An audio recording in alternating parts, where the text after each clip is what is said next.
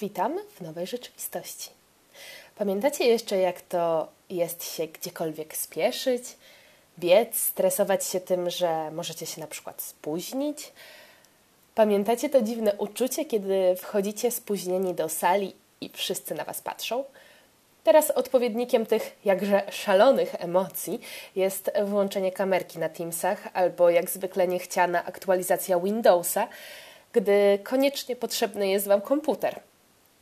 Nie wiem jak u Was, ale moje social anxiety szaleje i rozwija się, przybierając coraz to ciekawsze lub może bardziej niepokojące formy. Zanim zamknęli nam biuro, e, do Monopolis przyjechali jacyś bardzo ważni ludzie ze Szwajcarii, e, z centrali i, i był wielki obchód. Zebrało się całe mocno wybrakowane piętro, bo połowa z kawałkiem siedziała już na home office. I nagle wysoki pan w maseczce kazał każdemu z nas się przedstawić, powiedzieć z jakiego kraju jesteśmy, z jakiego zespołu i czym się zajmujemy. Nie dość, że tego dnia w biurze nie było ani pół osoby, z którą miałabym w zwyczaju prowadzić międzyfakturkową konwersację, to jeszcze w dodatku cały trzeci raz w życiu widziałam tego dnia mojego szefa, mimo że pracuję tam już od marca. E, tak dokładnie to od początku lockdownu. No więc dobrze. Wszyscy po kolei się przedstawiali, mówili jakieś bardzo skomplikowane funkcje, których na pewno w życiu nie zaznam, bo corpo lifestyle jest spoko, ale na studiach do seniora to mi jeszcze daleko. Prawie każdy po kolei był z Brazylii, nieliczni z jakichś innych krajów Ameryki Łacińskiej i nagle rodzyneczek. Ja z Polski. Hi, I have a big surprise for you. I'm from Poland. I wszystkie kiszki mi się skręciły ze stresu, bo patrzyli na mnie żywi ludzie, e, z którymi teoretycznie pracuję, ale i tak się nie znamy, bo wszystkie integracje zostały zawieszone. Jednak kulminacja e, social anxiety nastąpiła w piątek 23 października, kiedy dumnie wkroczyliśmy w tłum ludzi pod łódzką siedzibą PiSu. O bogowie. Palpitacje i spazmy. Dobra, czas na łyczek espresso tonik mojej kawowej miłości ostatnich miesięcy. Chociaż lubuję się też w mocno czarnych e, kawach wszelkiego rodzaju. Kupiłam sobie przyprawy do kawy na te jesienne długie dni przy komputerze i uwaga, podgrzewacz na USB, który gdzieś zagubił się w świecie przesyłek. Wygrzebałam też stary spieniacz i nawet zainwestowałam w kawiarkę, Cebularsko była na promocji 50% w Auchan, czyli tam, gdzie kupuję jakieś 90% e, sprzętu AGD, RTV i wszystkiego, co mi potrzebne do domu. Tylko kurczę, nie sprawdziłam, czy działa na indukcji. E, nie działa, już jej nie mam. Także w życie wirtualne też trzeba e, zainwestować i być porządnie przygotowanym bo w życiu nie kupiłabym sobie tylu świeczek, podgrzewacza, myszki, poduszek i innych delikatnie mówiąc dupereli, gdybym nie była zmuszona do tego, żeby każdy, praktycznie każdy z obszarów życia przenieść na online. Mam też nieodparte wrażenie, że starzeje mi się dusza, czy też nazywając to nieco mniej eufemistycznie, dziadzieje. Okresy wzmożonego dziadzienia przechodzą z nienacka i atakują bezlitośnie. Objawiają się tym, że wśród wypowiadanych zdań przeważają takie zaczynające się na Boże, masakra, ja pierdolę, mm, plus opis zjawiska slash przedmiotu slash osoby, na którą aktualnie narzekam. I tak jestem z natury narzekadłem, pełna świadomość. Jednak poziom narzekania, który mi się ostatnimi czasy załącza, przytłacza nawet mnie. Na bolące plecki, na komputer, na to, że ukradli rower i zamknięte siłownie, a ja przecież tak bardzo na pewno bym poszła czy na tę siłownię, czy na rower.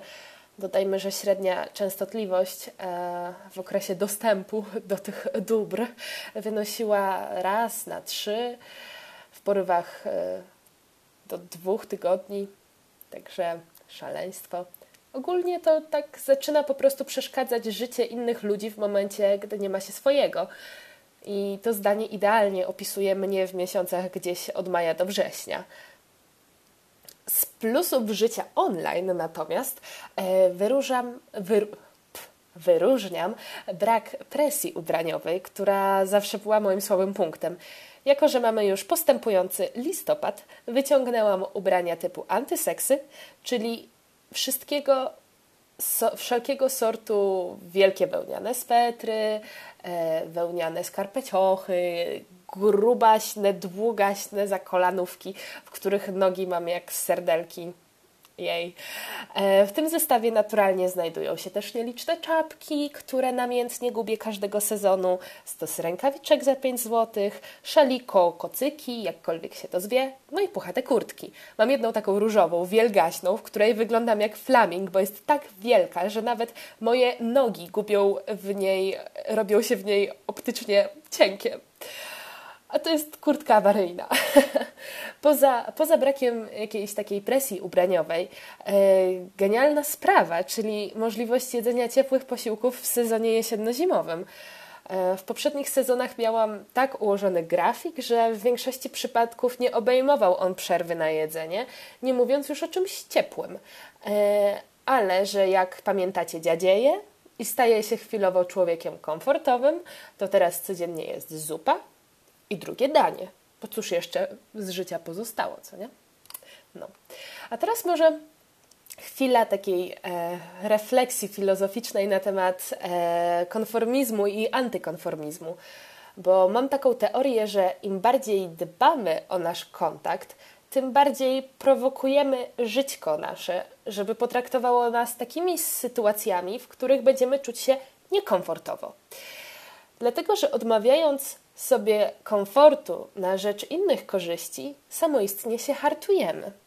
A im bardziej zahartowani jesteśmy, tym mniej potrzebujemy, żeby zaznać komfortu.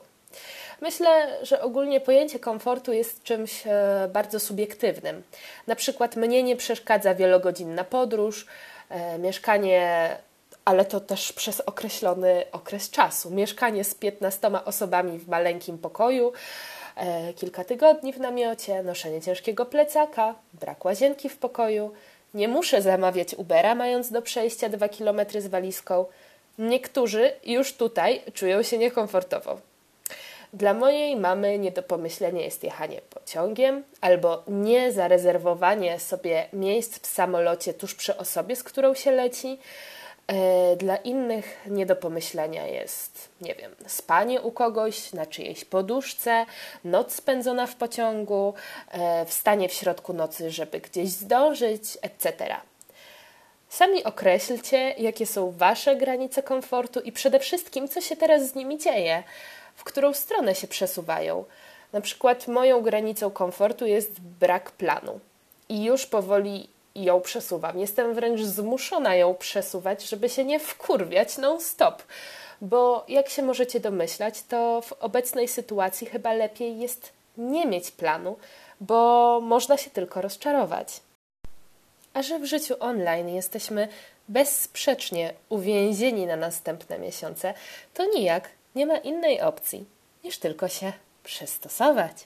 Dziś rozmawiałam na ten temat z dziewczynami i moim głównym zażaleniem był fakt, że nie mogę się skupić. Nawet jeśli wyłączę wszystkie inne aplikacje, odłożę telefon, mogę nawet siedzieć w pustym pokoju bez możliwości jakiegokolwiek manewru i tak się nie skupię. Dlaczego?